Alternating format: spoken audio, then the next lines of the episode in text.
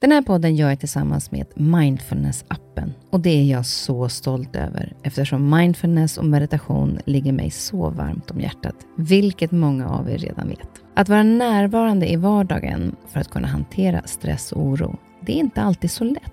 Då kan man ha mindfulness-appen nära till hands för att hjälpa dig när du behöver. För mig kan det vara så till exempel när det gäller sömnen, att vissa dagar då har jag riktigt svårt att komma till ro. Framför allt när det är mycket med jobbet. Då brukar jag använda mindfulness-appen och avsluta dagen med en avslappningsövning för att sänka stressnivån. Det gör det så mycket lättare för mig att somna sen. Oavsett om du kämpar med sömnlöshet, stress eller bara behöver en stund för dig själv så har Mindfulness-appen verktygen för att hjälpa dig att slappna av och sova bättre. Appen är utformad för att passa in i din livsstil med korta övningar som passar även de hektiska schemana. Som lyssnare till Nyfiken på så får ni 40% rabatt på prenumerationen av Mindfulness-appen. Länk till erbjudandet ja, det hittar ni i poddens Instagram, kaspersen nyfikenpa. Eller så går ni in på themindfulnessapp.com kristin. Välkommen till min podd Nyfiken på.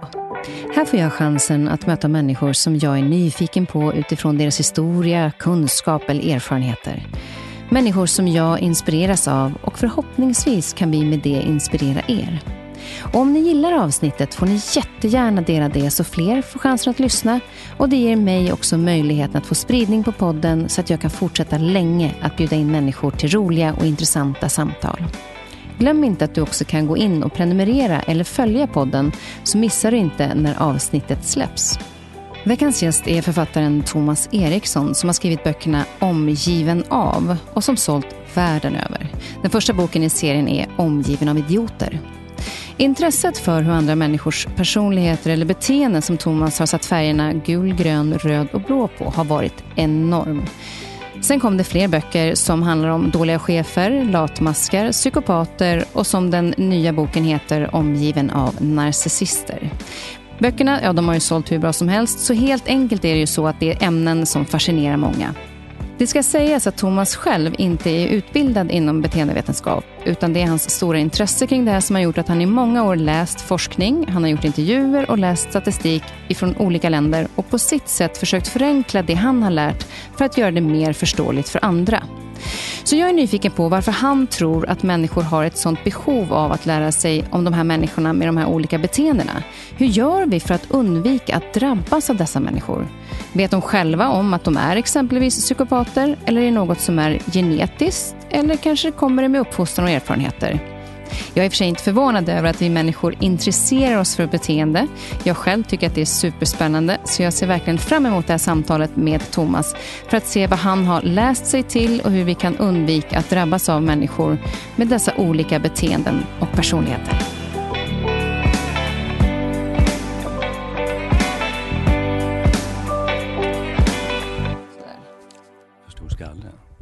Sitter lurarna bra? Ja, jag har justerat dem till en riktig huvud här. Tjockskalle. ja, vad härligt. Här, välkommen hit Thomas, vad härligt att ha dig här. Tusen tack, tack för inbjudan. Du, eh, du har en hel del att göra nu. Ja. Eh, ännu ett nytt eh, boksläpp ganska nyligen. Nu kommer det här sändas om några veckor från det att vi spelar in. Så då har boken Omgiven av narcissister varit ute i några veckor. Mm. Hur, ser, alltså, hur ser en vecka ut för dig? För du föreläser ju, du skriver böcker. Hur ser en vecka ut ungefär? Ja, den ena veckan är bokstavligt talat inte den andra veckan lik. Eh, när man skriver en bok, då skriver man ju en bok. Jag är rätt bra på att göra en sak i taget. Jag har tagit mig ganska många år att fokusera, lära mig att fokusera, för jag har så mycket idéer och jag skulle vilja göra det här, jag skulle vilja göra det där. Och, och jag har gjort uh, prioriteringslistor till förbannelse, strukit saker och flyttat över till nästa vecka och kladdat runt. Och nu är nummer sju nummer två tydligen. Och, Ja, det där har jag fortfarande inte gjort, så det kan vara göra på min lista. Men jag har lärt mig att ha en sak på listan. När jag skriver en bok, då skriver jag bara en bok. Så de veckorna är ganska enkla. Upp klockan Vad fyra. Vad skönt det låter. Ja. Jag menar att ja, göra en det, sak i taget. Det är jätteskönt. Ja. Jag är värdelös på att multitaska. Det är de flesta. Ja. Nästan ingen kan det faktiskt. Det är en myt för övrigt. Mm. Men, men, eh, nej, men då går jag upp fyra på morgonen och sen så sätter jag på kaffet. Notorisk koffeinist. Ingen kaffe på dag, morgonen, då kan inte hjärnan vakna igång. Men så jag sätter mig och skriver i ja, tre timmar. Sen väcker jag min hustru. och så, nej, hon är förmodligen uppe då. Nej, men sen börjar dagen. Sen kan jag mycket väl eh, ta ett flyg, jag på att säga. Det gör man ju inte längre, men i vanliga fall så då kanske jag reste någonstans och gjorde någonting. Mm.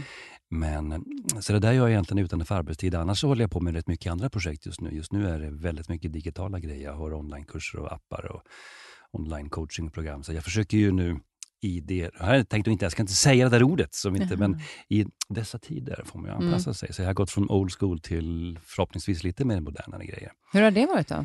Ja, det är för jävligt. Vet du. Nej, det är, alltså, det, är, det är jobbigt. Det är jobbigt att förändra sig, speciellt i den här åldern. Fanken, jag är ju skitgammal upptäckte jag. Men jag har ju liksom många föreläsare predikat om det här med att gå utanför trygghetszonen och du måste prova nya saker och, och inse att jag kanske inte har levt efter det där riktigt alla gånger. Det tror jag är ett misstag. Man ska nog inte snacka om sånt som man inte har provat själv. Så jag blev bättre på det. Och sen så har jag förstått mer om mig själv varför jag ibland stannar till och liksom inte riktigt kommer igång utan jag övertänker, funderar och planerar för mycket. Så jag har blivit mycket duktigare på senare år att få en idé och sen sätta ner spaden och se vad som finns där. Mm. De flesta idéer i hela världen är egentligen ganska dåliga så man får prova ganska mycket innan man hittar sin, ja, sin grej, då, om vi säger. Ja, men det är väl man kan säga att eh, kommer tio idéer så kanske en, kanske en, Ja. eh, är bra. Ja. Men, men det är bättre att komma med tio idéer än inga alls. Ja, precis. Men de flesta människor har jättemånga idéer. Brist på idéer har aldrig varit bekymret i den här världen. Problemet har varit att för många människor funderar för länge, väntar för länge och gör ingenting. Utan de sitter och grunnar och tänker att, ja, nej, jag vet inte. Och sen så hör man ett halvår senare att någon liksom plötsligt startat en rörelse baserad på exakt samma sak. Och då känner man sig korkad. Mm. Varför Man blir lite inte? irriterad då. Ja, men det var ju otäckt. Va? Och det var ju lätt och inte svårt. Och du vet, att det var ju, man vet ju aldrig. Va? Ja. Så där har du kommit över nu, att nu, nu kör du på dina, testar dina idéer och ser vad, vad de kan gå för. Du Ja. pratar om appar till exempel. Vad är det för typ Ja. av appar du gör? Ja, jag har en app som heter eh, Omgiven av idioter som ju handlar om, om det som är liksom ryggraden i de böcker som jag skriver. Mm. Som handlar om beteenden och, och, och man kan analysera sig själv och alla andra. Mm. Ett oändligt antal gånger. Det är världens bästa middagsgrej har jag fått höra. Folk sitter och, och tyvärr med telefonen runt bordet. Då. Jag föreslagit, ta det till kaffet. du vet. Men det är rätt kul. Och sen är det, ja, det är en bok i mikroformat och sen så kan man göra tester och analysera. Man kan, det är liksom, eh, du kan testa dina kunskaper och du kan prova i en slags spelform och ta dig fram och se kan du lista ut olika beteendemönster och övertyga människor om det ena och det andra. Massa sådana case som jag så säger.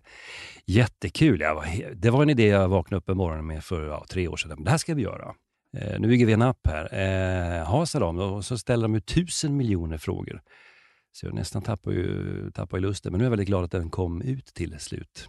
Och det är ju baserat på den här om eh, idioter och eh, det som du har kommit fram till, till de här olika färgerna då, som, Mm. som eh, mycket av det du pratar om bygger kring och det du har tagit fram utifrån olika saker. Jag tänkte att vi skulle komma in på det lite mer, men jag tänker på det just det här när man är intresserad av människors beteende och det är ju väldigt liksom udd, nej, udda beteenden, men märkliga beteenden, speciella beteenden som du fascineras av och skriver kring. Mm, Eh, att psykopater och idioter och latmaskar och så. Vad är det som gör att du är så intresserad av just den typen av beteende?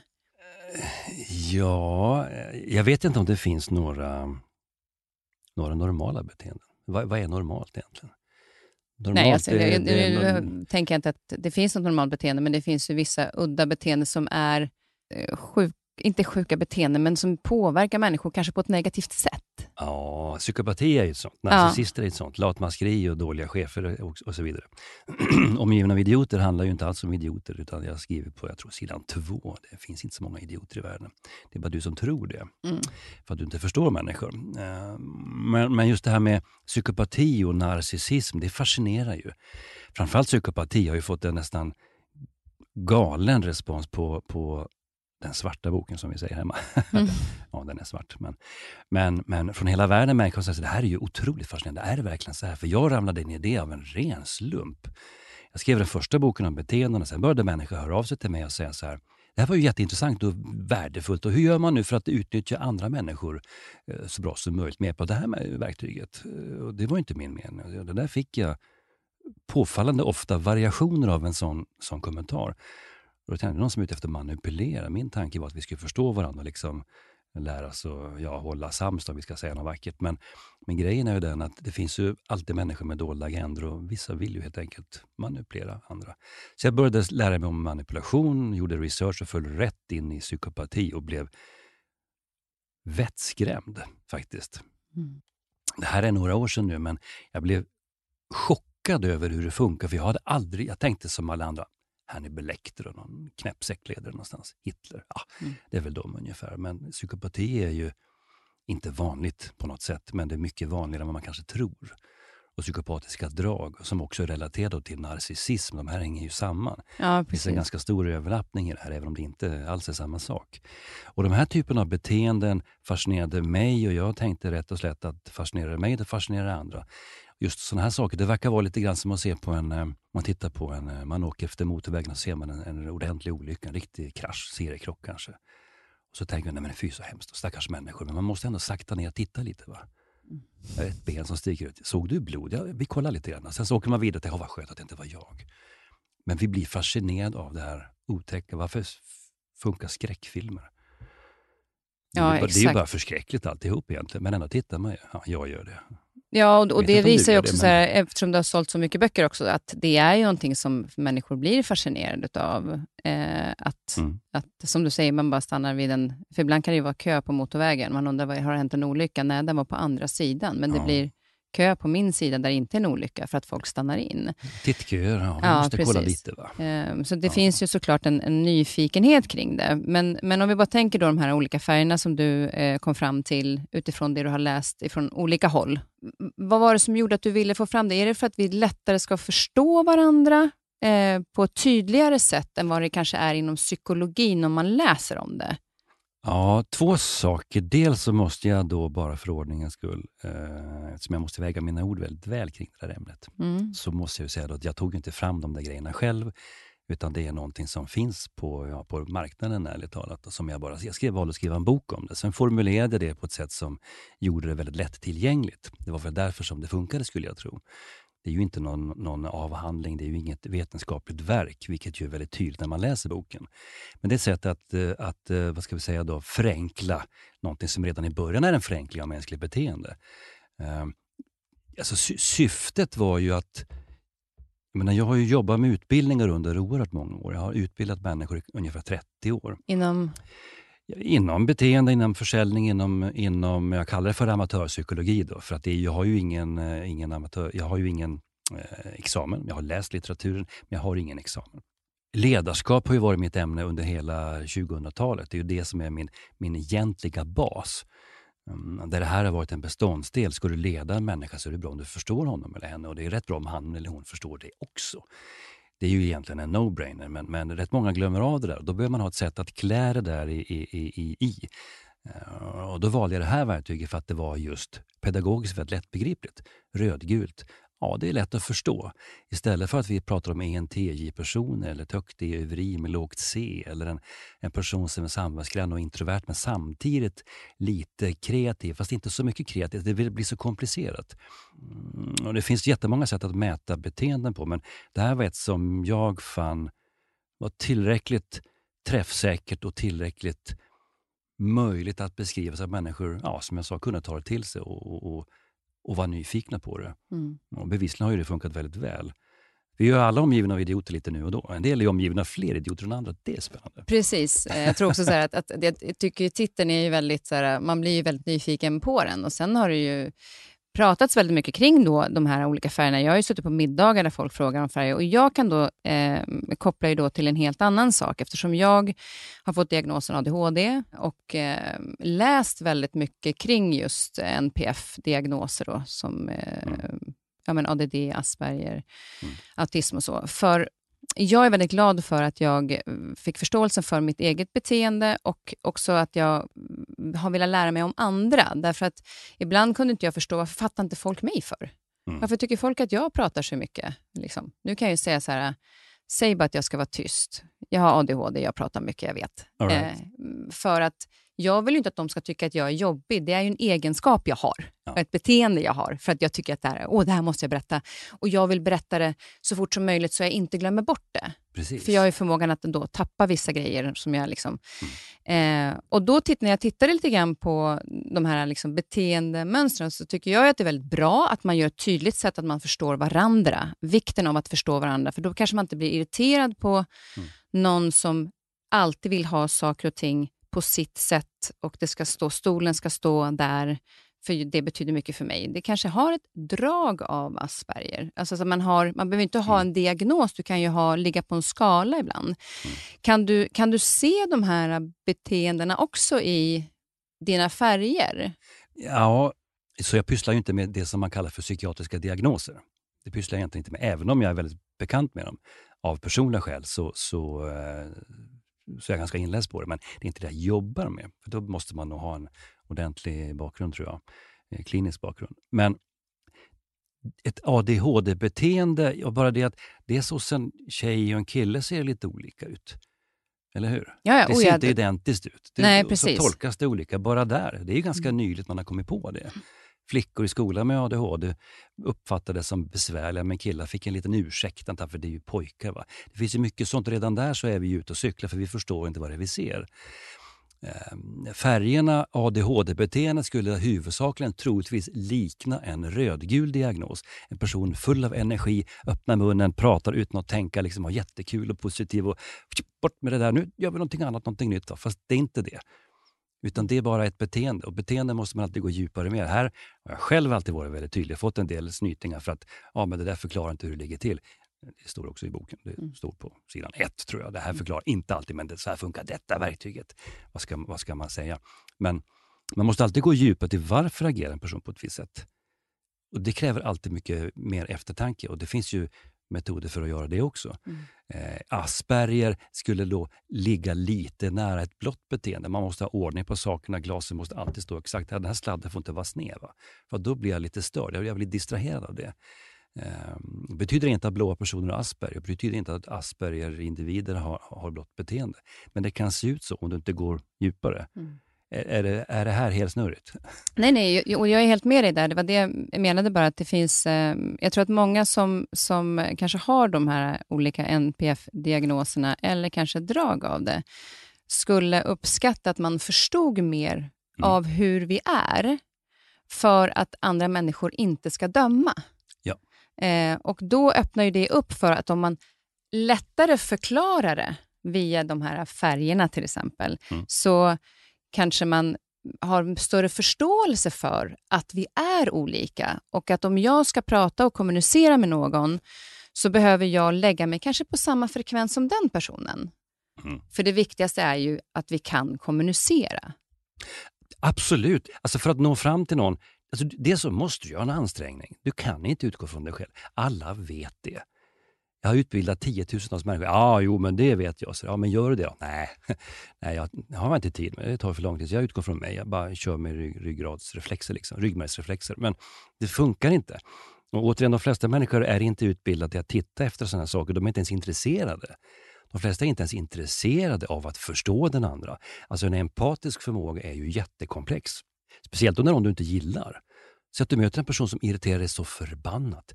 Ta någon, någon sån här riktig sån här, vad heter det, sån här energi-ADHD-person som studsar mellan väggarna. Det finns ju extremfall där de, de kan knappt sitta still. Och det är ju förskräckligt. Men man, och det är ju lätt att säga, oh, gud vad jobbigt, jag orkar inte med honom, jag, jag går. Va? Ja, du, du, jag gillar honom, nu är han lugn men snart kommer det att bryta lös igen. Man vet inte. Så du, du är inte ens där. Du är inte mentalt redo att överhuvudtaget försöka förstå. Och får du då någonting i dina händer, här har du lite av en blueprint på hur det skulle kunna förklaras. Mm. Så, så det är det någonstans du har velat med att göra det här tydligt av det du har läst eftersom du inte, som du själv säger, har ju inte den egentligen utbildningen men du har läst och försökt förenkla så att människor lättare ska förstå. Ja.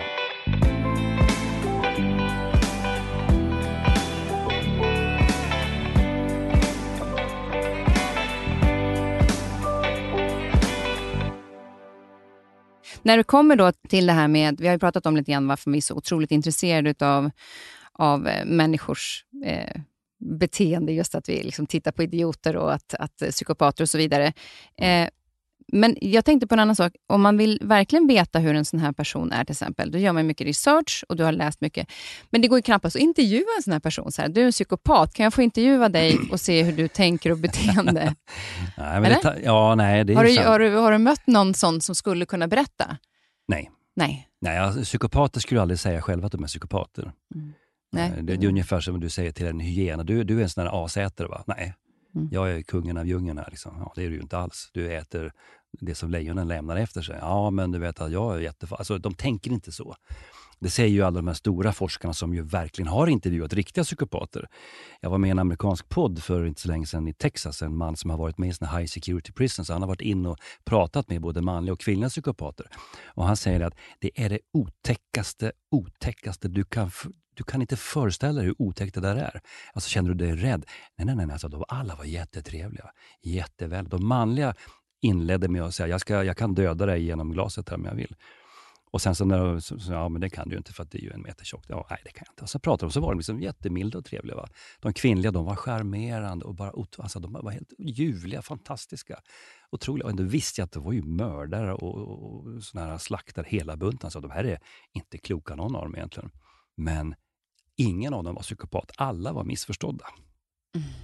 Utan det är bara, jag har haft otur i livet och haft en taskig uppväxt tror inte det. Va? Det, ja, det kanske någon har haft, men det är inte det som skapar detta. Det är Nej. någonting annat. Eh, så det går inte. Jag har träffat psykopater som jag vet är psykopater.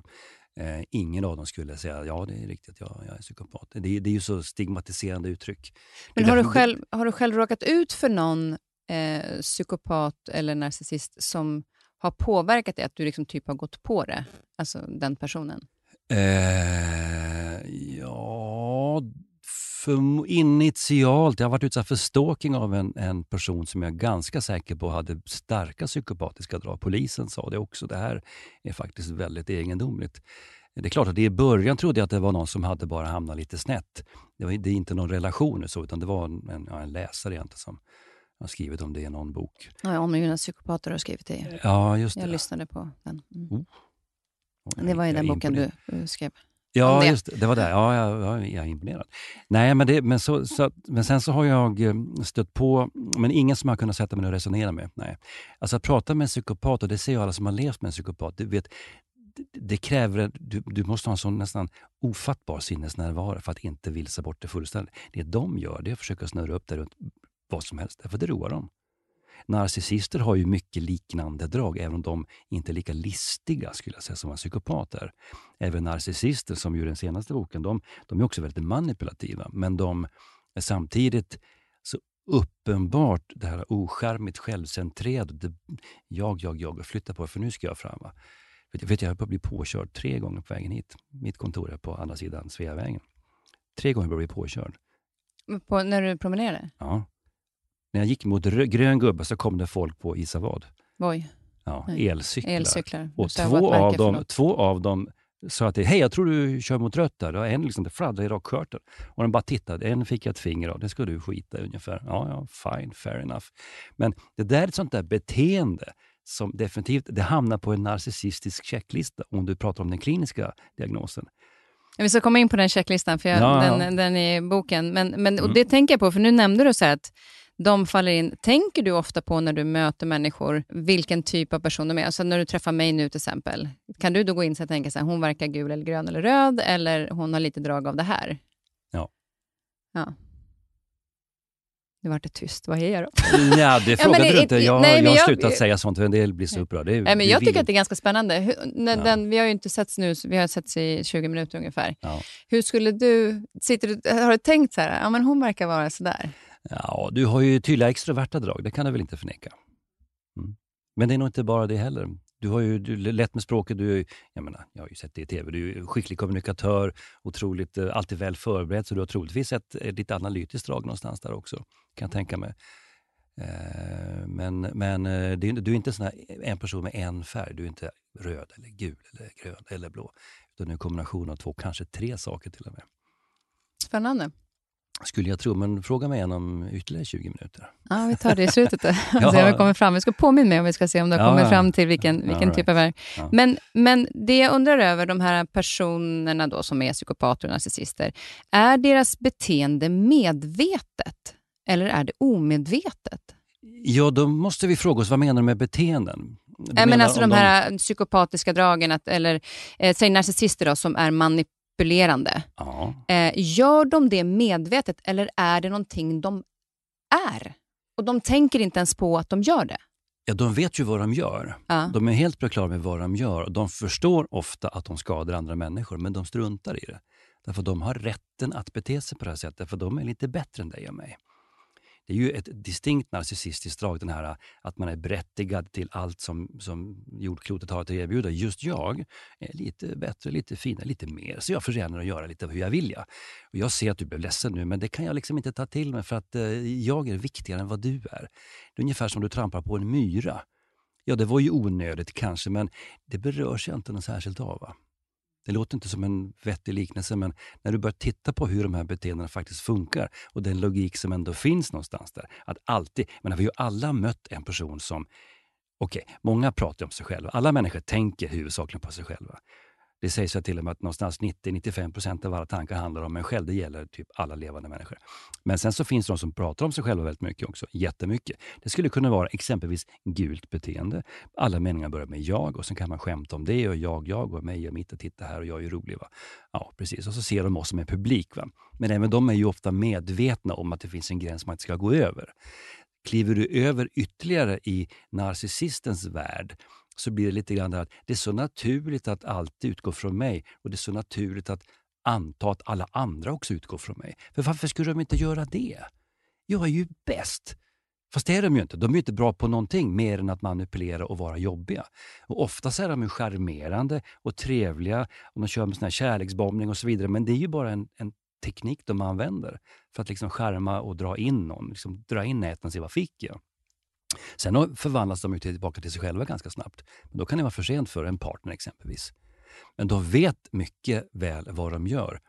Det är det här som människor har svårt att tro. Nej, men det måste vara omöjligt. Det är synd om den här personen. De förstår inte hur illa det går. Men det är väl det de får oss att tycka lite grann ibland också. Att ja. vi ska tycka lite synd om dem så att vi går med på det de säger. Offermentalitet är ja. ett perfekt vapen. Så fort någon säger jag känner mig kränkt här, vet du, oj, oj, oj, då backar alla undan. Ja. Vill, du, vill du verkligen få folk att flytta sig, då ska du vara kränkt. Inte därmed sagt att det inte finns människor som blir kränkta, det var inte det jag sa.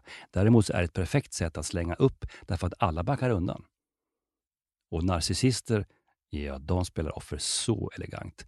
De kan sitta och, och, och, klämma under en filt och tycka synd om sig själva. Jag tycker nästan det är läskigare än psykopater. Men, men mm. eh, det jag också tänkte på när man pratar om då, de här, om de är medvetna om sitt beteende.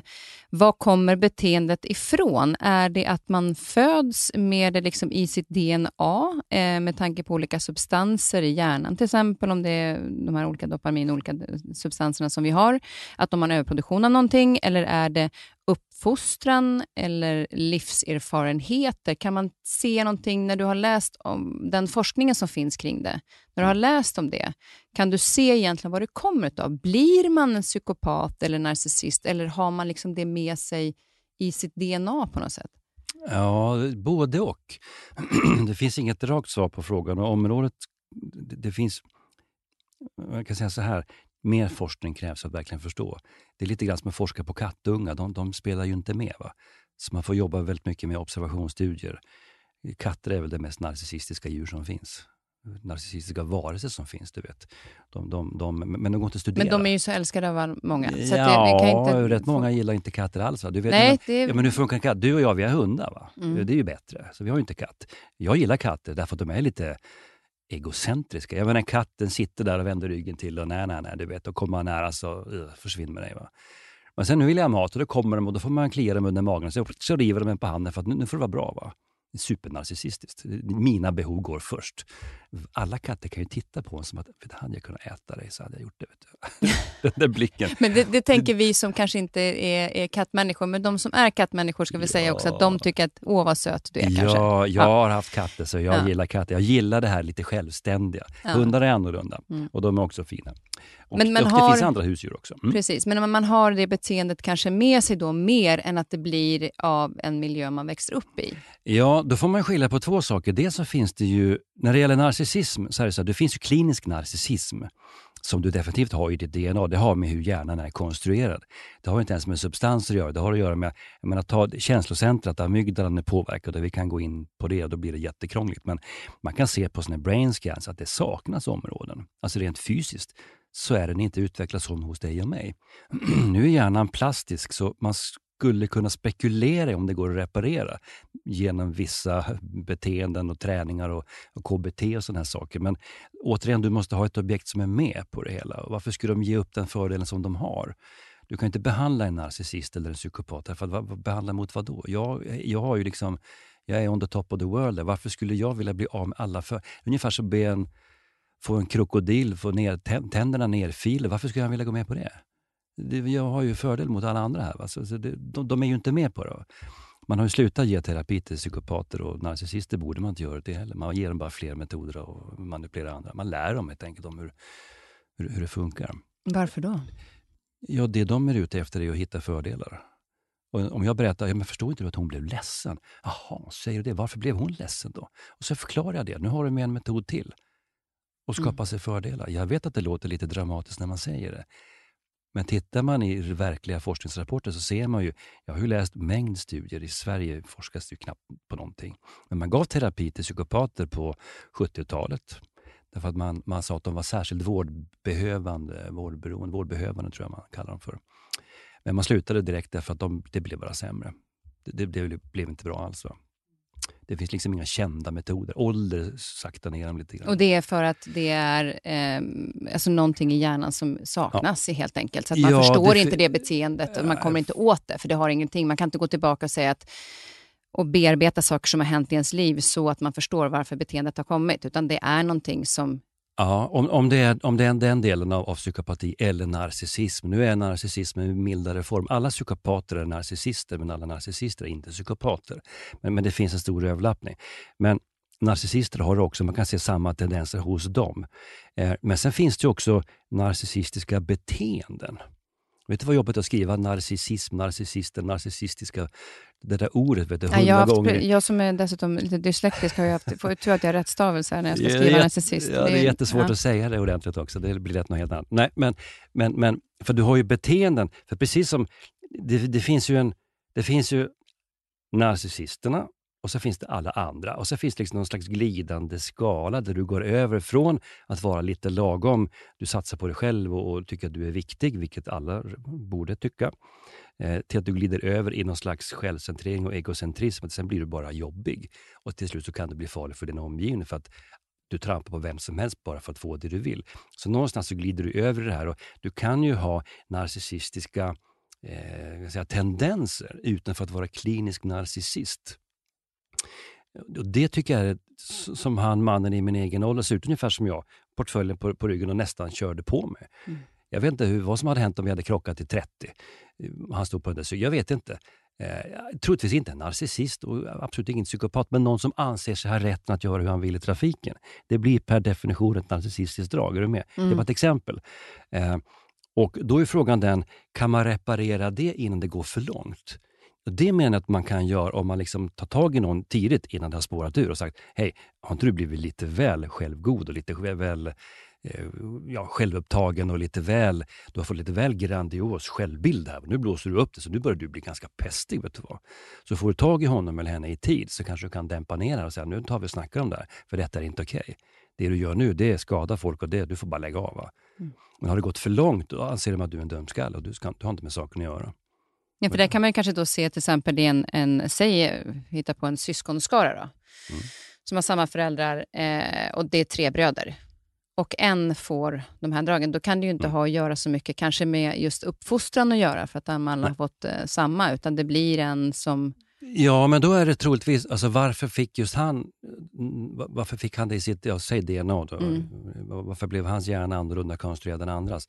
Ja, det vet vi inte. Vi har ingen aning. Varför, varför men det är därför jag menar att det man... behöver inte vara uppfostran, utan det, det, är ju väldigt tydligt då att, det kan, att det är, vissa saker faktiskt ja. är en struktur i hjärnan som inte... Absolut. Och är, är du född med den strukturen i hjärnan och du dessutom får en uppfostran som kanske inte matchar det riktigt. Du behöver väldigt tydliga ramar och regler så att du inte tar för dig för mycket av dina två brorsor där. Mm. Utan säg att du då har föräldrar som kanske säger att du är fantastisk och underbar, allt du gör luktar rosendoft. Liksom. Det, allting är ljuvligt bara. Då börjar du tro det. Då har du en, en väldigt tydlig dragning att faktiskt bli värre. Sen när du är vuxen så har du, då tror du att du faktiskt förtjänar precis allt, att du är bättre än alla andra. Just det, så att man som, även om de har det draget från början så kan också vi föräldrar påskynda eller vi förstärka, förstärka det. Oh ja, vi, ja. vi kan förstärka. Jättekänsligt ämne och jag tar med det här i boken. Jag resonerar rätt mycket kring det. Jag själv tyckte det var dumheter när jag började fundera på det. Jag tänkte, äh, man pratar om curlingföräldrar och ja, jo visst, men man ska inte ta hand om sina barn. Det är klart man skyddar sina unga. Jag har barn, du har barn. Mina är vuxna nu, men det är klart man tar hand om dem och beskyddar dem och hjälper dem. Det är klart vi gör det. Det, det är, det är liksom självklart, men samtidigt så finns det ju någon gräns för saker som man ju inte ska göra. Sen var den gränsen går, det kan man ju fråga sig. Ska man bre mackan åt en 15-åring? Jag tycker inte det. Någon tycker att ja, men det kan jag väl göra. Och så, jag, det var inte ett tecken på narcissism, observera, det var bara ett exempel. Men någonstans så finns det en gräns där de måste börja klara sig själva och du ska inte sopa i manegen. Va?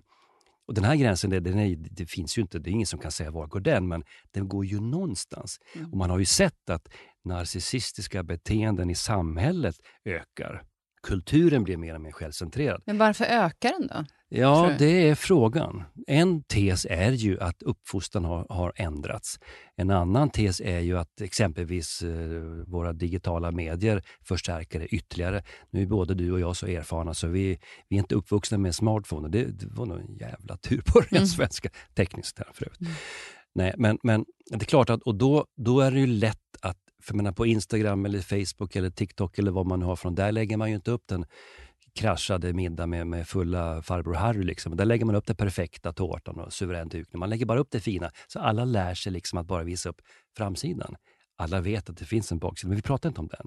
Det innebär att beteendet, att bara blåsa upp så visa att allting är perfekt, för det är ett narcissistiskt drag. Mm. Faktiskt. Och Det där tycker jag är så intressant, just när det gäller sociala medier. Ett litet sidospår, men jag plockar den nu när du pratar om den. Därför att eftersom jag själv har många följare och många säger du liksom har ett ansvar gentemot dem och så vidare, vad du lägger ut. Eh, och det har jag ju såklart. Eh, men, och jag lägger ju väldigt sällan upp någonting när det är som jobbigast. Alltså, eller när det är jobbigt. Därför att om jag då påverkas av alla snälla då som vill hjälpa till på vägen mm. eh, i kommentarsfältet, då lyssnar jag inte på mig själv vad ska jag göra för att komma ur den här situationen? Då börjar jag lyssna utanför mig själv. Ja. Sen förstår jag att folk kan känna så här, att, man, att det bekräftar, men det ansvaret kan jag inte ta för andra. Nej. Förstår jag menar? Att ja. Där måste vi ta varsina egna ansvar. Och det är lite ett sidospår, men jag plockade det nu när du ändå pratade om det.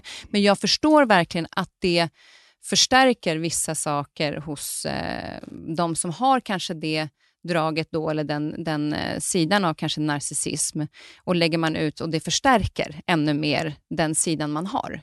Kan det vara så? Ja, det kan det vara. Jag har inte studerat sociala medier specifikt, men det finns avarter på sociala medier som man, man, man, kan verkligen inte... Jag själv är ju värdelös på det där. Mm. Jag måste finnas där, säger alla, för finns du inte där så finns du inte överhuvudtaget. det är det där som är den riktiga världen och den riktiga världen den har blivit någon slags eh, bigrunka. Jag vet inte, men så min sorgliga skara följare ser att jag inte är så engagerad.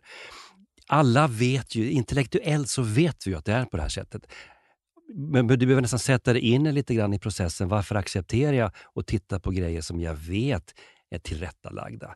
Mm. Jag säger ingenting. Jag visar ju inte heller upp någon, någon dålig. Vad ska jag göra det för? Jag absolut ingen lust. Jag pratar inte med min fru ens om. Jag tjurar en stund på mitt kontor, sen går jag ut och morrar lite grann. Sen så får det vara bra med det. Du går in i din grotta? Jag går in i min grotta. Ja, ja men sen så jag sparkar på stolsben och så, sen har jag, jag går sällan ner med någonting jag har. Jag har lärt mig att hantera mig själv där ganska bra. Så att.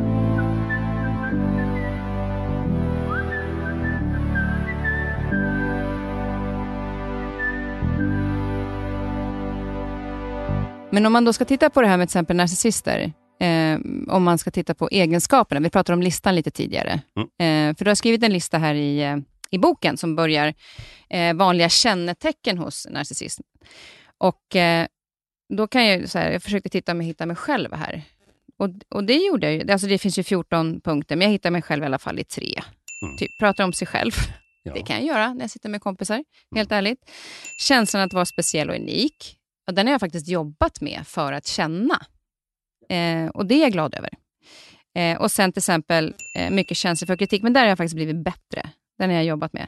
Men, men om man då tittar på de här olika, hur många, liksom, hur många delar utav det här gör man måste ha en del av de här på checklistan för att fylla kvoten för narcissism. Man kan ju inte bara vara att jag pratar om mig själv till exempel. Nej, det är ju inte att vara narcissist. Ja, det där, den där listan är egentligen bara en massa exempel på beteenden. Eh, det finns I slutet på boken så finns det ett slags test man kan göra. Eh, det är absolut i slutet. Jag ser att du har inte tror du, att en, det... tror du att en narcissist skulle svara ärligt på den? Ja, för det står till och med det också. Frågan är hur bra det här egentligen är, för skulle de svara ärligt på det här? Det, det, det är ju helt rätt fråga att ställa naturligtvis. Jag vet det fanken alltså vad de skulle göra. Mm. De skulle snygga till det för att, det, återigen, är det inte det är samma som med psykopati. Om Intelligens har ju också, är ju också en faktor i det här. Intelligenta människor kan ju tänka innan de öppnar truten. En, alla gör det inte, men de tänker att okej, okay, vad innebär det här för något? Man, man, man, det går några varv och sen så, okej, okay, nu säger jag det här. Det är klart, är det in, narcissisten intelligent, då fattar ju hon eller han, det här kommer att uppfattas som högst ocharmigt. Alltså låtsas jag som att jag är det mest ödmjuka du kan tänka dig. Du vet. Mm. Jag tänkte vi skulle gå in och eh, titta lite grann just på narcissisten. Och nu pratar mm. du om det här med intelligens, för du skriver ju då på, i, en, eh, i ett kapitel om vem blir narcissistens offer? Att du har letat då tillgänglig litteratur kopplad till intelligens hos offren. För man kan mm. någonstans känna så här att alltså det känns ju som att de är smarta eller intelligenta på att manipulera mm. eh, människor. Finns det en koppling till, om, du säger att du inte har hittat det, vad är det som gör att eh, det inte sägs att det är intelligens. Du menar hos narcissisten? Ja, precis. Ja, hos manipulatören. Intelligens överhuvudtaget är ett förbannat känsligt ämne. Mm. De flesta blir förbannade vad man än tycker när man pratar om intelligens. Och IQ-tester får man inte ens nämna. Det är till och med förbjudet att kalla det för det. Även om det är IQ-tester. Kan man IQ-testa en narcissist? Troligtvis kan man göra det. Man löser, låter dem lösa en massa kognitiva problem helt enkelt. Men um, Alltså, vad jag, skillnaden som jag gör när det gäller en manipulatör, om vederbörande är intelligent eller mindre intelligent, om vi säger så, då, eh, det är ju det att, jag menar, tar du som en, en eh, du ser en kille på stan med en, en eh, väldigt snygg klocka. Du tänker kort, du ser bara linje A till B. Jag vill ha den där klockan. Du går dit och smäller honom i skallen, så tar du klockan. Nu har jag en fin Rolex. Perfekt. Är du intelligent och du är manipulativt lagd, då vill du fortfarande ha den där klockan. Hmm. Du tänker inte jobba för den, för du har rätt att ta den av honom. För han är ju mindre värd än vad du är. Också ett narcissistiskt drag. Alla andra är ju mindre värda. Då går du dit och så snackar du till dig klockan istället. Du får honom att ge dig klockan. Och det kräver viss intelligens. Du måste kunna tänka rationellt, du måste kunna argumentera, du måste kunna hitta den personens trigger points, du måste kunna komma på ett sätt som får honom att tro att det är en bra idé att ge dig klockan. Mm. Och det, här, det är ju en, en, en, en det är ju en tankeprocess som är mycket mer komplex än att bara gå dit och hämta den.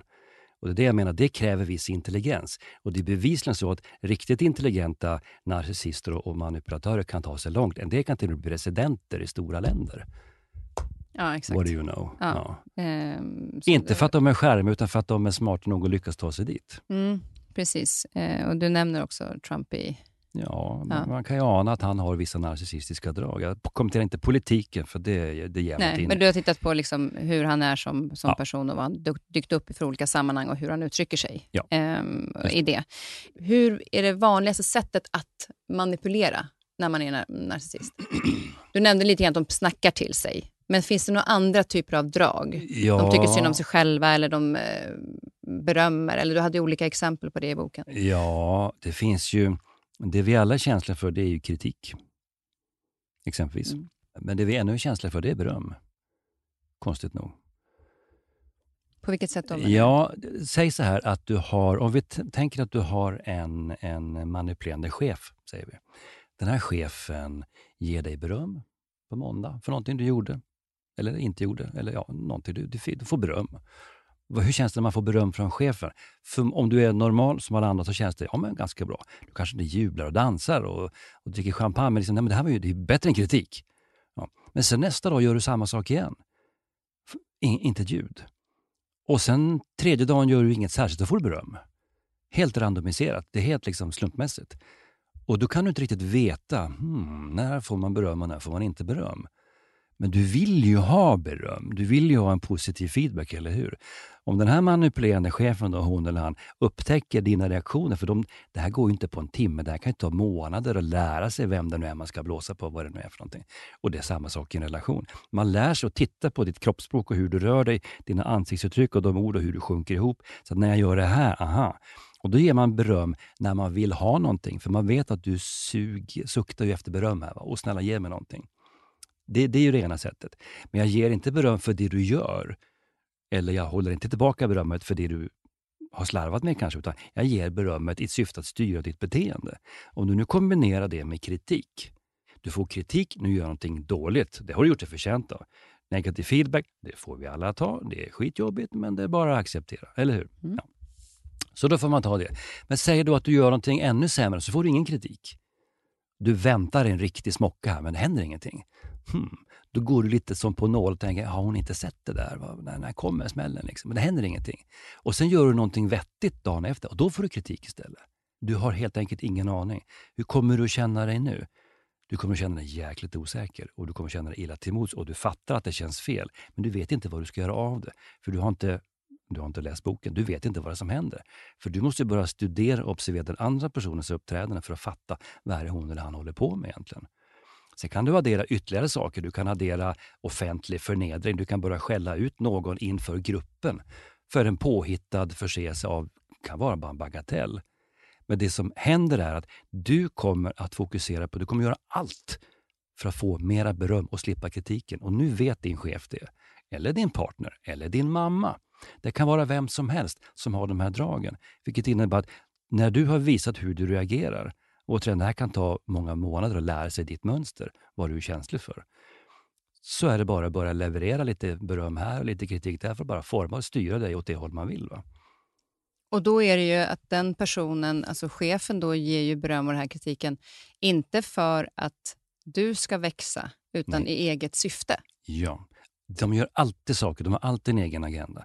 Det kan handla om att de har en riktig skituppgift till dig i oktober som de vill ge dig. Nu får du ta på dig 200 timmar obetald övertid. Det är bara att ta det, annars kommer jag skälla och gapa. Och det vet jag att det är det värsta du vet. När jag höjer rösten mot dig och säger nej nu Kristin, nu, nu får det vara nog. Åh oh, gode gud, tänker du, det här är ju så jobbigt va. Eller så reagerar du inte alls, då får jag hitta på något annat. Det är kanske så att om jag boostar dig inför gruppen, då är du beredd att gå genom eld och vatten. Men det här lär jag mig med tiden. Och det finns ju inte en metod som funkar likadant på alla människor. Men vi vet att beröm och kritik om vartannat, där är vi känsliga. Alla vill ha lite godis, men ingen vill ha eh, det dåliga. Va? Så där, där spelas det mycket på mm. den delen. Ja. Eh, kan det också vara så att, att eh, narcissisten om den gör någonting som gör den andra besviken och den, den personen som drabbas då av eh, eh, narcissisten, liksom så här, nej nu räcker det, jag går härifrån. Så blir narcissisten, tycker synd om sig själv och, och blir liksom, nej men gud förlåt, det var inte meningen. Och så ska den här som drabbas då börja tycka synd om. Ja, Finns det spelet väldigt tydligt? Absolut. vi nämnde förut detta med offermentalitet. Mm. Det, det, är en riktig klassiker. Det, det håller alla manipulatörer på med. Stackars mig, det är så synd. Här sitter jag nu alldeles ensam. Ja, men eh, du vet. Jag, jag har en bekant vars, vars mor är väldigt mycket åt detta håll. Och Ska jag bara vara här nu? Ska jag sitta här nu? Ska inte du ta hand om mig? Ja, men pappa då? Ja, pappa ja. Ja, men han sitter ju intill. Ja, men eh, jag vill ju ha service av alla, inklusive dig. Du, du, ska du, du får ju inte ta hand om mig. Ja, men du kan ju ta hand om dig själv. Du är ju inte handikappad. Nej, men ska du låta din mamma sitta här nu, i det här fallet, i en tråkig lägenhet? Ja, du flyttade ju dit. Du vet, det blir bara jättekonstigt. va? Stackars mig. Det är ju ingen som ringer. Ja, jag ringer ju varje dag. Ja, men du hade kunnat ringt, du vet, eh, du vet. De vill ju bara ge dåligt samvete. Återigen, alla, jag reagerar ju inte på sånt exempelvis. Där är jag helt immun. Då säger jag bara, fine, gör vad du vill, jag bryr mig inte. Där är jag okänslig. Jag är känslig för andra grejer. Tänker inte säga vilka. Men liksom, jag bryr mig inte om ifall, för jag vet att jag har inte gjort något fel. Men de flesta människor, alltså dåligt samvete, vet ju hur, när man väl får det på någon, för något riktigt, man mår ju jättedåligt. Men betyder det då kanske att eftersom du inte reagerar på det så kanske inte narcissisten går på just dig, utan man väljer den som är mer då liksom empatisk så att säga i de situationerna? Ja, det kan det ju att vara. Det liksom... Eller så liksom- väljer man en annan. Om jag har någonting som en manipulatör vill ha, då kommer hon eller han att testa någonting annat till de hittar öppningen. Alla kan bli manipulerade. Jag är ganska påläst och jag tror att jag är svårmanipulerad för jag håller på med det här i fyra, fem år nu. Men, men, men jag kan garanterat bli lurad jag också. Det finns ju forskare på psykopati som har suttit på såna här högsäkerhetsfängelser och diagnostiserat folk maxpoäng på psykopati. Sen blir han utsläppt och lämnar över sina Mercedes-nycklar till psykopaten. Ja, men jag kommer tillbaka med den imorgon. Hur tänkte jag där, säger den här killen, då, psykologen. För att, ja, klart, han kommer inte tillbaka. Men det verkar som en god idé just då. Jag, jag, kan inte förklara. Hur kunde jag gå på det? Jag visste ju vem det var. Hur kunde jag gå på det här? Jag, jag kan inte förklara det. Så det man måste nästan vara specialiserad i ämnet. Så du skulle egentligen kunna sitta och manipulera mig, för jag är inte specialist i ämnet. Ja, eh, så egentligen skulle du ja, kunna då... Jag skulle kunna även... prova i och för sig, men jag skulle få dåligt samvete som jag inte är narcissist eller psykopat. Jag skulle skämmas. Mm, och det gör inte narcissisten. Nej, men, men jag inte. vet också att du har skrivit om det, att det är många, vilka det är som drabbas av dem. Mm. Eh, och att det ofta har mycket att göra med att man har en empatisk, väldigt stark empatisk sida. Ja. Eh, varför drabbas de lättare än de andra? Ja, därför att de känner. Om du, om jag säger, om du är, om, om du är en, en ytterst empatisk person, vilket jag misstänker att du är, så, skulle du, så säger jag till dig så här, ja, när du ställer mig den där frågan, det, det var lite jobbigt för mig, så att, den vill jag att vi tar om faktiskt.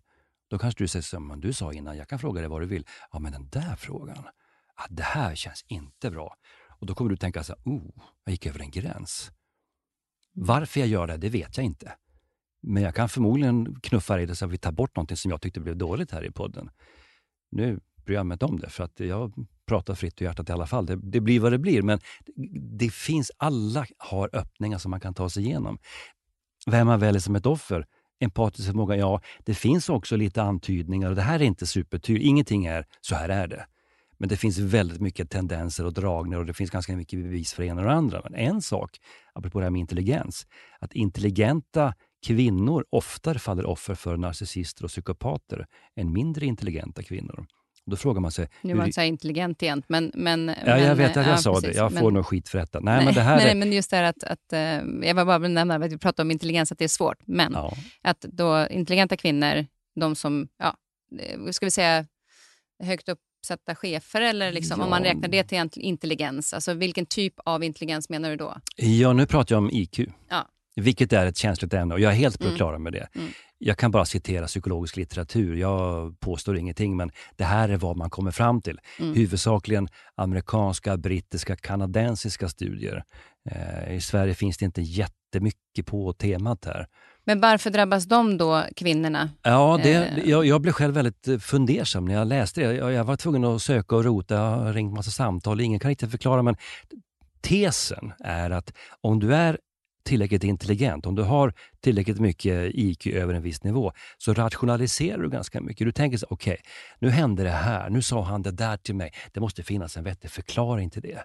Och så börjar man fundera och tänka och vrida och vända. Man går inte lika mycket på känsla. Man försöker hitta förklaringar för att liksom, eh, vad ska vi säga då, eh, eh, hitta logiska förklaringar till ett ologiskt beteende. Alltså det är en slags försvarsmekanism. Ja, men han menade nog inte det. Det är ju en trevlig kille egentligen. Han, det blev nog bara lite tokigt där. Va? Och sen så plötsligt så, så är man inne i det. För när du väl sitter fast i det här väven av lögner och, och tokerier så, så då, då, då är du ganska fast. Men ska man då tänka så här, redan där, att så här, om jag nu håller på att tänka de här tankarna, ja. det är ju fel. Det är fel. Det finns varningssignaler. Jag menar, för, för första är ju så här, känns det fel så är det fel. Ja, precis. Det skriver. Och det, Jätteenkelt. Det är ju det som är svårt då för de som är, ja. tänker för mycket, för då känner man inte. Man, tänker, man, man övertänker, man, man tänker alldeles för mycket och just man rationaliserar, man försöker liksom vara lite smart där. Eh, och dessutom så så eh, det är som en, en person som ringde mig och sa, jag vet att du skriver den här boken, jag kan ge några exempel. Och, och Då säger hon så här att, jag har noterat själv att jag har en bekant och jag känner det här suget efter att jag skulle vilja banda våra samtal. Jag skulle vilja spela in vad vi säger. Sen har jag kommit på att det måste vara en varningssignal. Jag måste liksom börja logga vad människan säger och spara sms i all oändlighet. Och skrolla tillbaka till tre, fyra, fem veckor tillbaka. Ja, men här sa du ju det där, titta här. Alltså, det är nog en varningssignal. Jag skulle gå därifrån om jag var du. Mm. För det låter ju inte sunt. va? Nej. Det finns ju saker, men du måste också vara lite vaken och du får inte det är inte vackert att vara naiv och tänka att alla människor har någonting fint inom sig, för vissa människor är ute efter det du har. Det är en förskräcklig tanke, men världen är inte vacker alla gånger. Världen är ganska förskräcklig. Och världen ser ut som den gör baserat på det som sker i den och det är ju människor som styr huvudsakligen. Men det måste bli otroligt svårt för man drabbas då till exempel av en, en eh, narcissist eh, som har de här narcissistiska dragen. Eh, du påverkas väldigt mycket, du far fram och tillbaka. Är det här rätt, är det inte rätt? Och så börjar man analysera. Blir ju osäker i sig själv förmodligen kan jag tänka mig när mm. man till slut inte lyssnar till sig själv längre utan man hamnar någonstans där mittemellan.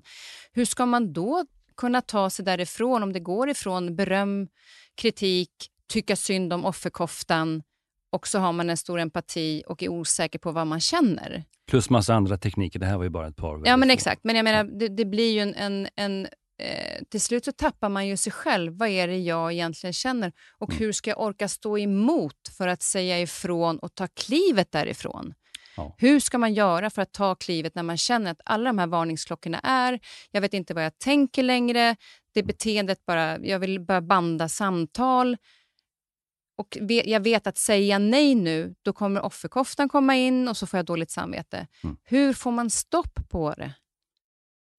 Jag tror att man ska vara...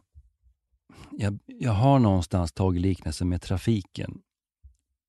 Jag skojade nyss om att jag blev nästan överkörd av en karl i kostym och slips och grått hår på en elcykel. Och även om det hände så jag tog inte jätteilla in. Det händer ju varje dag. Där. Det är ju rena kaoset. Men, men liksom, precis som i trafiken, jag går ju inte över ett övergångsställe i Stockholm sitter nu ute, även om det är grönt. Jag tittar ju ganska noga för de där kommer från alla håll och kanter. Du, ja, du har ju sett dem också.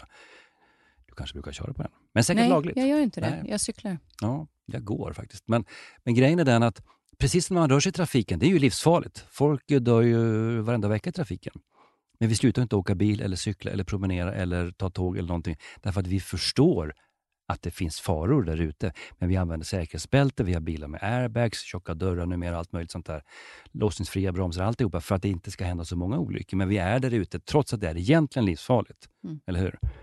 Och samma sak är det i en relation. Inleder du en ny relation med en person, jag menar, sitter du i en relation, ja då är det svårt. Du sitter där, du inser nu, du läser en bok, du går på en föreläsning, du lyssnar på en podd och inser jäklar, det där är ju jag, det är ju mig de pratar om nu. Och nej, vad gör jag nu? Ja, det är en utmaning. Jag hade velat backa bandet och sagt så här, när det går för snabbt i början på en relation, då måste man vara försiktig.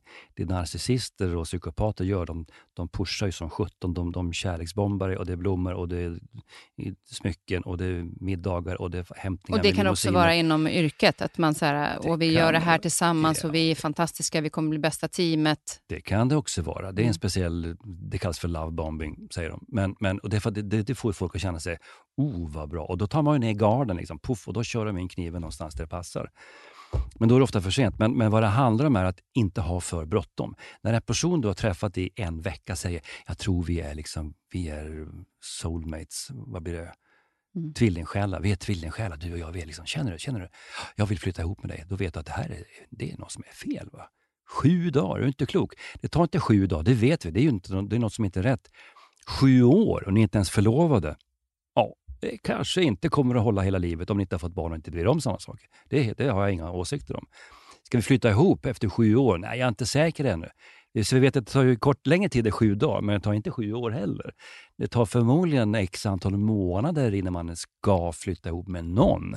Eller hur? Håller du med? Mm. Och då behöver man liksom tänka, vem är det här?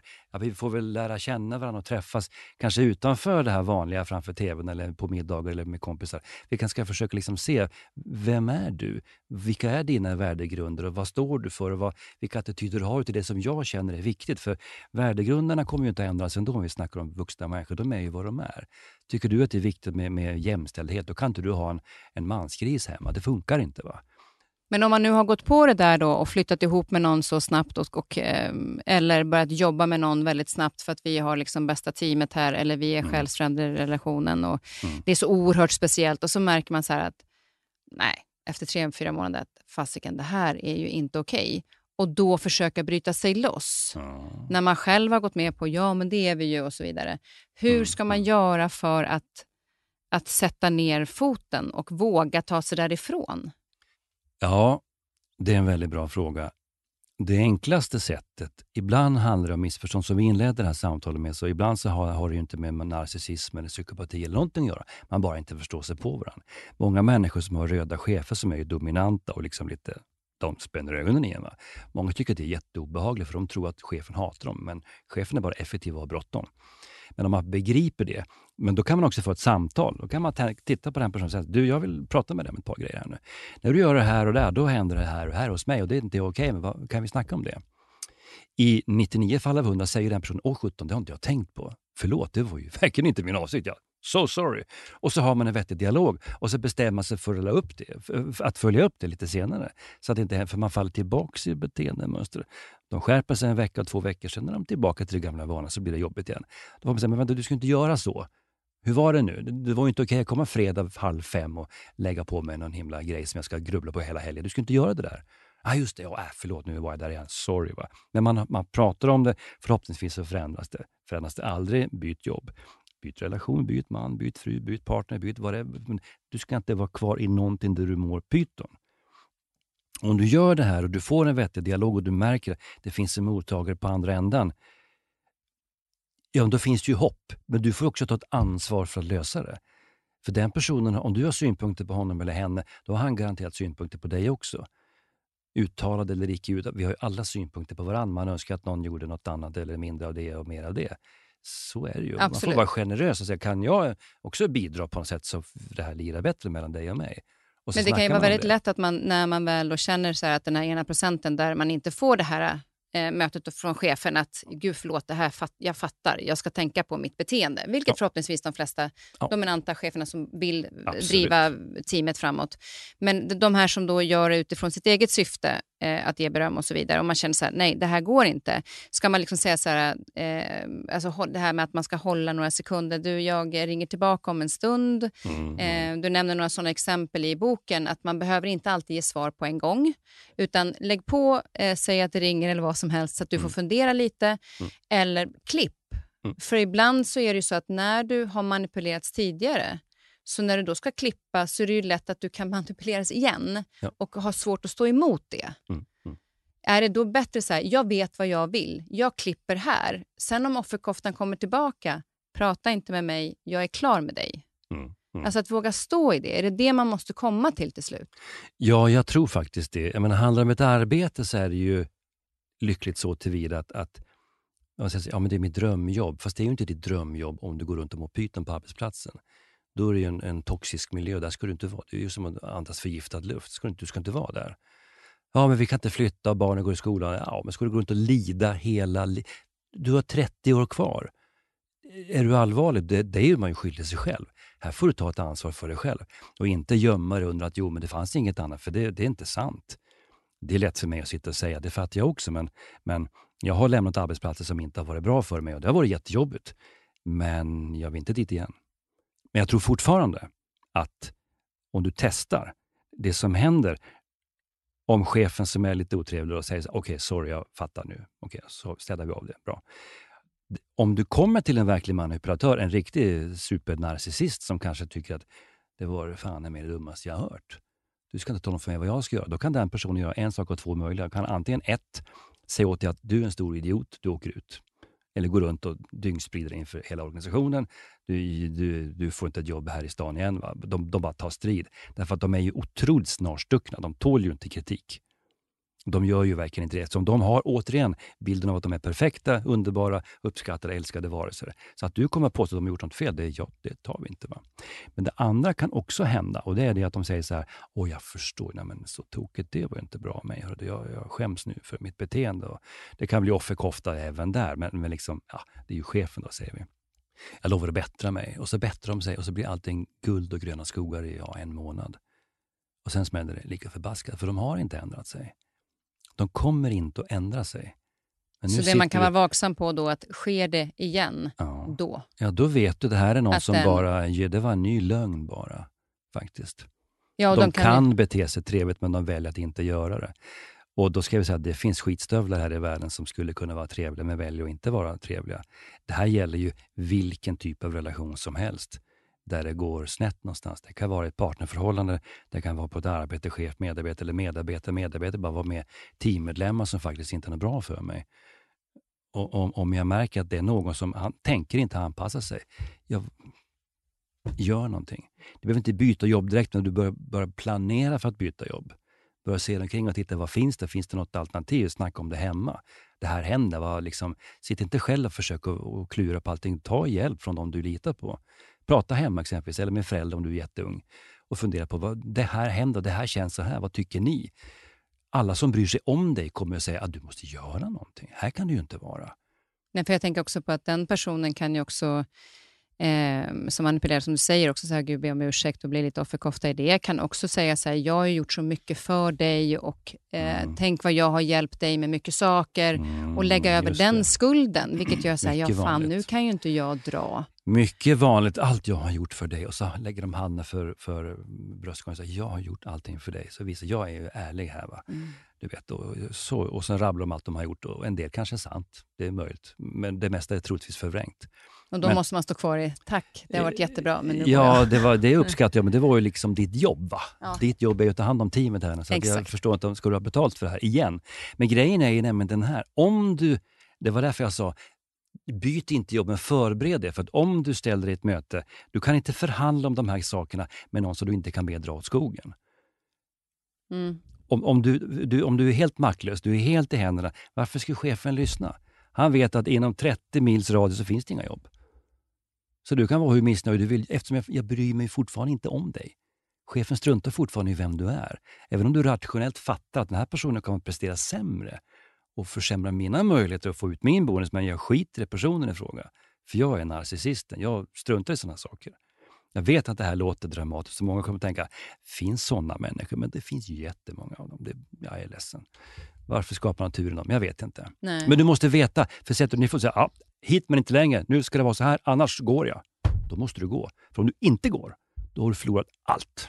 Då vet du, och kommer du tillbaka då så kan de ju manipulera ännu Men den här gången går jag, ja, det ska jag säga in. Jag tror du vet, du är, du är körd fullständigt.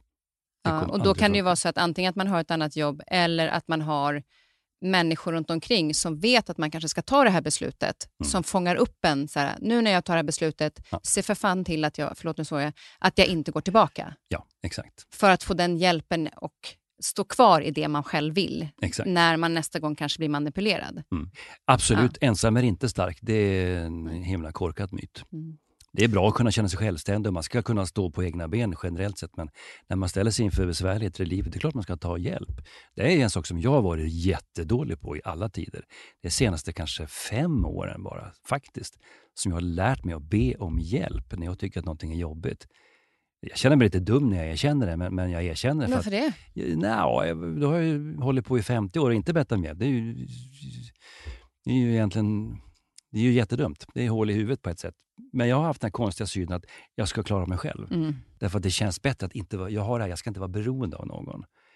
Ingen ska liksom, jag vill inte vara beroendeställning för det får mig att tycka att uh, jag vill inte liksom någon har makt över mig. Jag tycker inte om det. Men det jag säger, men jag säger inte att det är jättebra, jag, men jag säger så. Men jag har blivit mycket bättre på att be om hjälp och jag märker ju vad mycket fortare jag kommer framåt i vissa bitar. Ja, det är faktiskt fantastiskt att be om hjälp. Jag kallades ja. för kan själv när jag var liten, eh, men jag har också ah, okay. blivit bättre på att be om hjälp. Ja.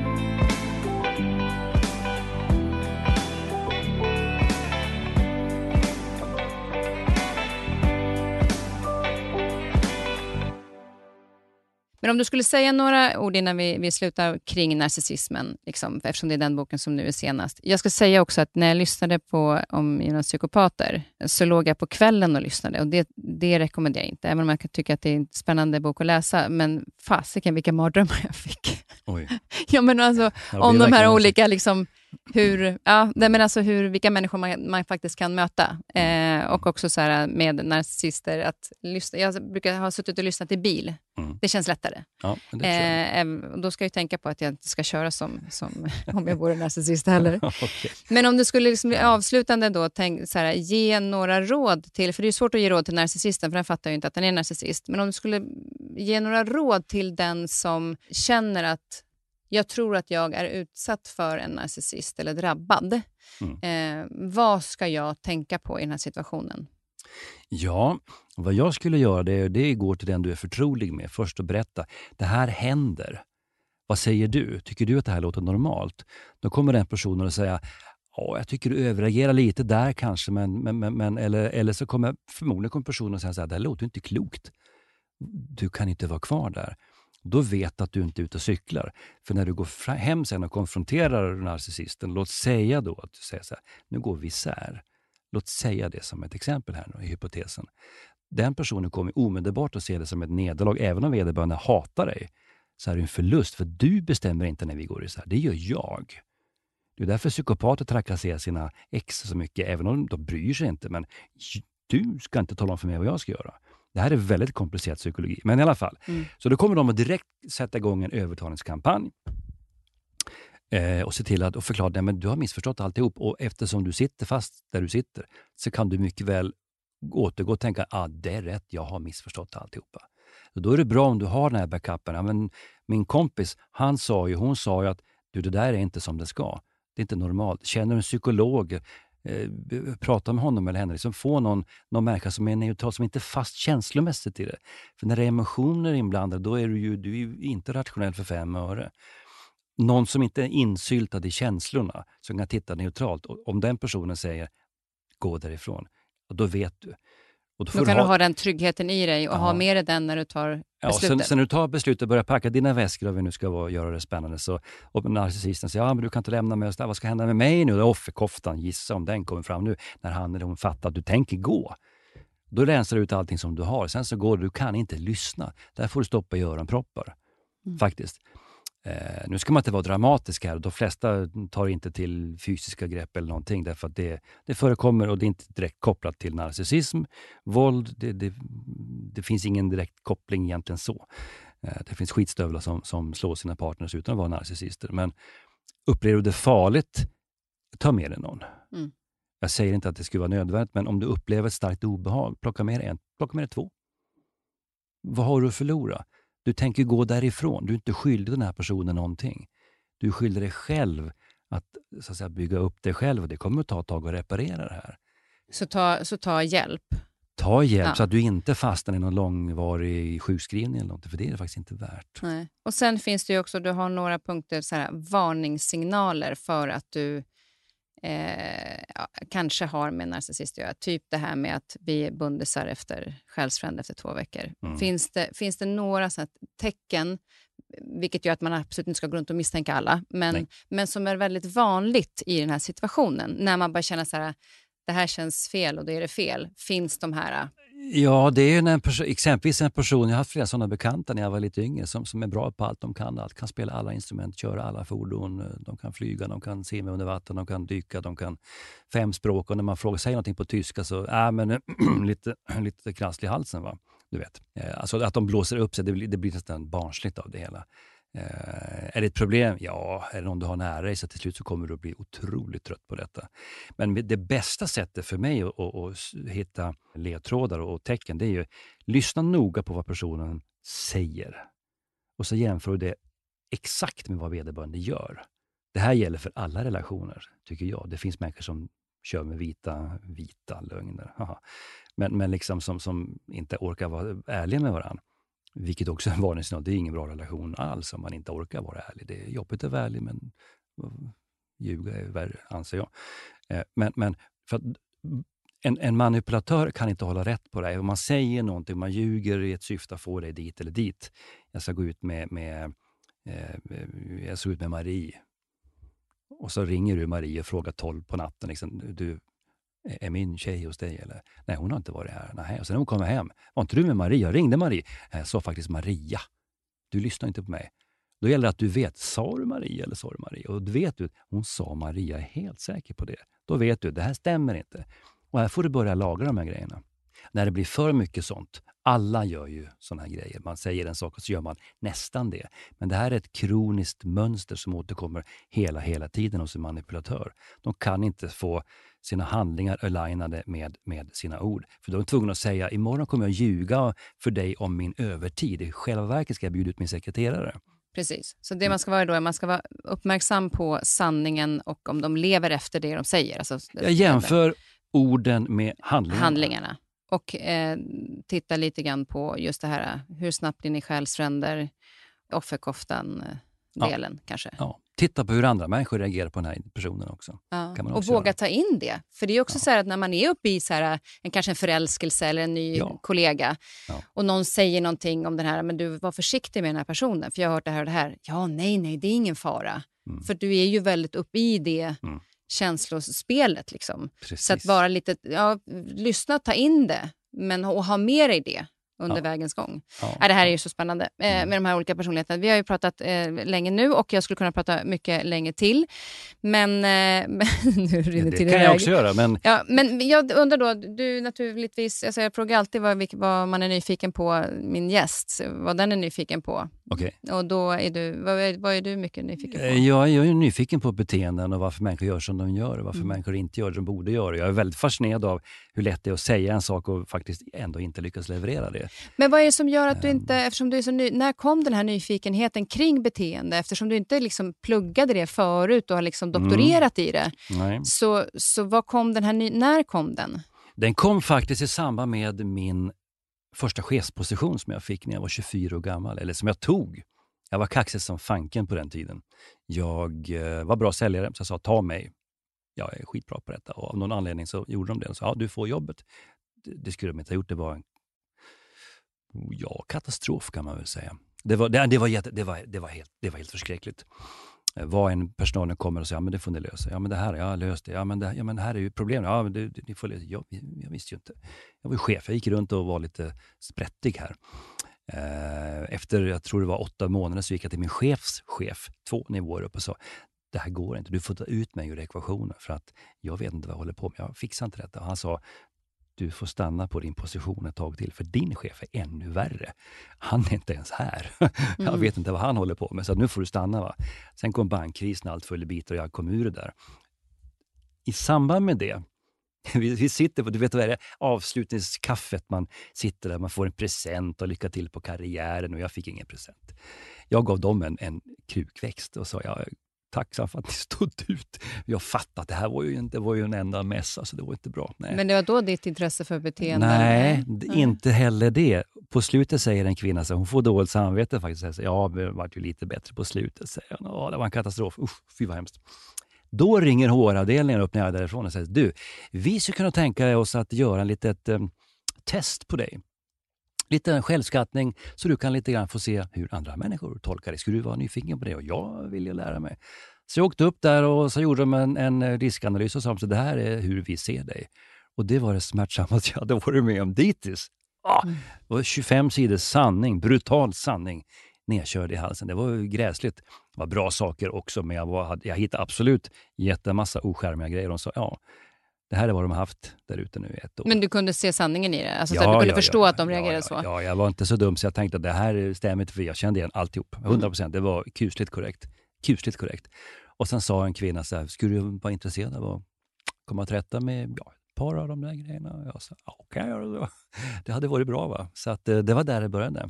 Mm. Det var liksom en, en, det var en smocka. Så det var en så mer självupplevd grej som gjorde ja. att du blev mer och mer nyfiken på ja. de här olika beteendeformerna? Innan 25 års ålder hade jag inte reflekterat ett smack av mm. hur jag funkade eller vem jag var eller någonting.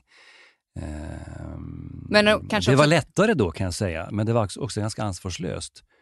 Jag tog inte ansvar för mitt beteende, jag tog inte ansvar för att förstå andra människor särskilt heller. Det gjorde jag inte. Utan det kom i samband med detta.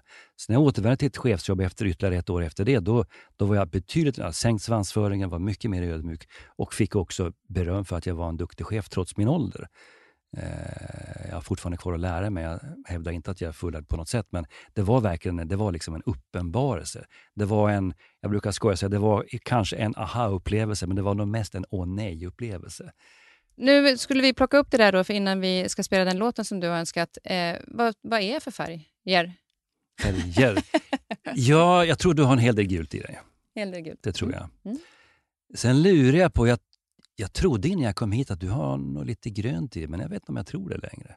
Jag tror snarare att du har en, en eh, det man kallar för en, eh, eh, kanske en social drivkraft. Vilket innebär att du tycker nog om när du gör saker för någon annan. Jag tror att du mår bra när du märker att du har gjort någonting bra för någon annan. Det tror jag mer ligger i en drivkraft, alltså en motivationsfaktor, men det ligger lite under ytan tror jag. Som man kanske kan missa ibland för att du är glad och positiv och pratar mycket. Så missar man kanske att det finns där. Det stämmer verkligen. Eh, och Det är intressant eftersom vi inte ens har pratat om det. Nej, så är det men, intressant att du ser det. Ja, men, det... ja, det var därför jag sa, kan jag få lite mera tid? Därför mm. att det där kan man inte se på en gång. Det måste man och Det är ytterligare en, en, en, metodik man kan använda för att förstå det. Men det hör jag på hur du pratar och vad du värderar, vilka ord du brukar och så vidare. Och sen märker jag att du är ganska noggrann med saker och ting. Du har markeringar i boken där och, och det, ja, det här är inte ditt skrivbord, men liksom, det är inte ett kaos här inne. Va? Ja, du har en väldigt väldresserad eh, Ja, hon ligger där och sover i ja, och det, Så det jag misstänker att det finns en del blott i det också. Du tycker om ordning och reda ändå. Ja, det gör jag. Men det tror jag också har varit mycket att, att eh, med min hyperaktivitet. Den mm. ligger inte så mycket utanför mig, att jag är så här, hopp, upp och nicka, sockerdricka, springer mellan väggar. Utan ja utan mer att det är väldigt eh, rörigt inombords. Alltså så här, det händer mycket inne, jag tänker på flera saker samtidigt. Och mm. Är det då rörigt runt omkring mig, då blir det ännu värre mm. i mitt huvud. Så det är en taktik att, att skapa ordning för att liksom Ja, kunna och det har jag förstått senare år. Att jag ja. tycker om att ha städat, ordning och reda, för mm. då kan jag fokusera. Mm. Men mm. om jag sitter hemma och jobbar och jag vet att det är kaos i min garderob, mm. alltså det går inte. Då får jag städa den först. Men så är det för mig också. Ja. Hos mig är det en så kallad estetisk drivkraft. När det ser slarvigt ut så jag, jag tappar fokus. Mm. Jag kan inte sitta hemma och jobba om köket är kaos. Jag, jag får gå och diska. Va? Mm.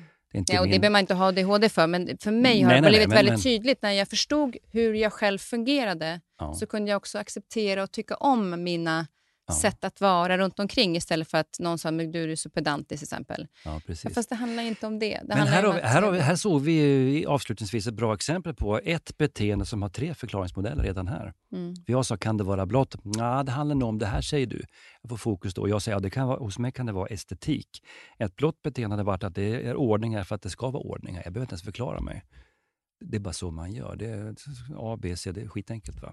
Och då har vi tre sätt att förstå samma beteende. Och det är ju det här det blir. Det är ju här det blir utmanande och komplicerat, men fascinerande. Men otroligt spännande. Ja, det är ja, det är så spännande. Ja. Eh, du, vi ska avsluta med en låt. Eh, Och du har valt. Ja, har du lyssnat på den? Ja, jag lyssnade på den precis innan du kom. Jaha. Mm. Tänkte du då? då? Nej, men jag, eh, ja, men jag försökte så just säga så här att det eh, var lite otippat. Jaha, vad hade du förväntat dig om jag törs fråga? Nej, jag hade inte förväntat mig någonting egentligen. För jag, jag tycker inte om förväntningar för då blir man oftast besviken. Eller, så att, otippat är väl fel, men så här, nej, vad kul. Ja. Att det var en sån typ av låt. Ja. Ska jag nog säga. Okej. Och du har valt? Eh, ett, amerik- ett, eh, förlåt, ett finskt eh, hårdrocksband som heter eh, Battle Beast. Det låter inte klokt. Det är, här är hårda grabbar och en, en eh, operasångerska i fronten. Men det är en ballad som heter I Wish som Mm. handlar om saknaden efter någon man verkligen velat ha med sig länge i livet. Mm. Då lyssnar vi på den nu. Tusen tack för att du kom, Thomas.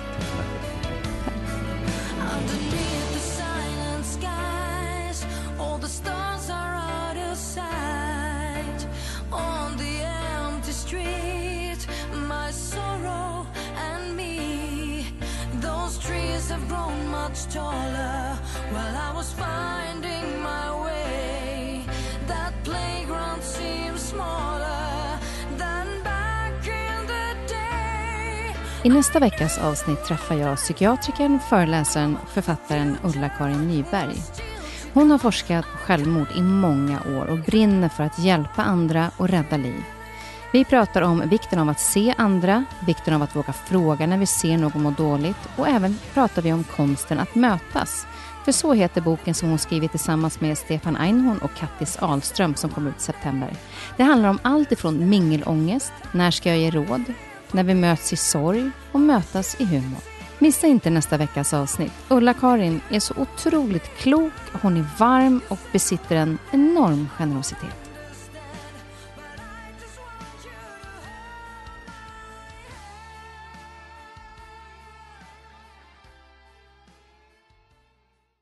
Den här podcasten är producerad av Perfect Day Media.